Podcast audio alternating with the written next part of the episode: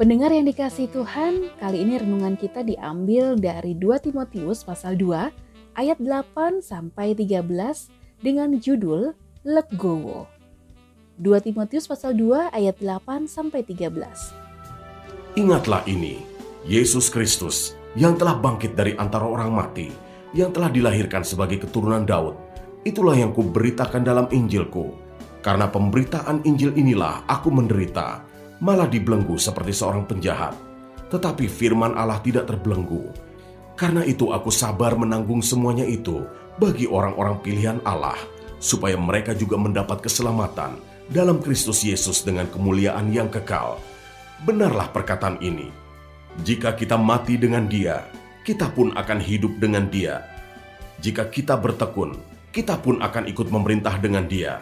Jika kita menyangkal dia, dia pun akan menyangkal kita jika kita tidak setia, dia tetap setia karena dia tidak dapat menyangkal dirinya.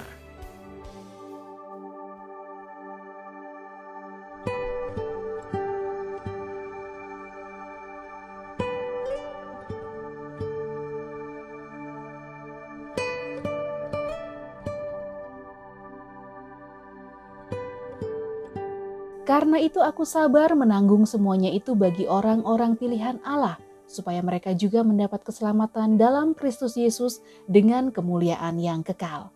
2 Timotius pasal 2 ayat 10. Pendengar yang dikasih Tuhan,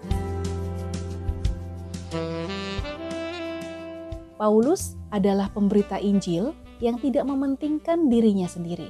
Di mana pun dia berada, Paulus selalu berusaha memberitakan Injil yang isinya adalah kebangkitan Yesus dari kematian. Tetapi karena hal inilah, dia justru banyak menerima penolakan dan bahkan penganiayaan.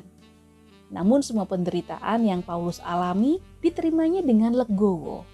Kata legowo berasal dari bahasa Jawa yang artinya adalah ikhlas lahir batin. Tidak ada penyesalan sedikit pun atas keputusan yang telah diambil atau rasa benci kepada orang lain ketika menerima kenyataan yang tidak sesuai dengan harapan. Karena keputusan itu bertujuan untuk kebaikan orang lain, bahkan bagi orang yang menyakiti dirinya sekalipun.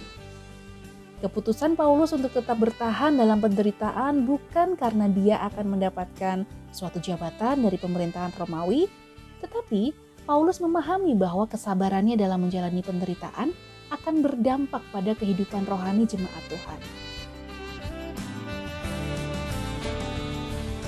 Paulus begitu memperhatikan keselamatan jiwa-jiwa orang percaya, dan dia juga menyadari bahwa dirinya dipilih Allah untuk menjadi saksi Kristus supaya banyak jiwa diselamatkan. Pendengar yang dikasih Tuhan, sebagai orang-orang yang sudah diselamatkan, apakah kita memiliki kelegowoan? Kiranya setiap kita tidak menjadi orang yang egois, akan tetapi berani memikirkan keselamatan orang lain. Walaupun terkadang justru bukan hal yang baik yang kita terima, tetapi ingatlah bahwa kesabaran kita juga akan menentukan keselamatan mereka. Tuhan mengadili bangsa-bangsa. Hakimilah aku, Tuhan, apakah aku benar dan apakah aku tulus ikhlas. Mazmur pasal 7 ayat 9. Tuhan Yesus memberkati.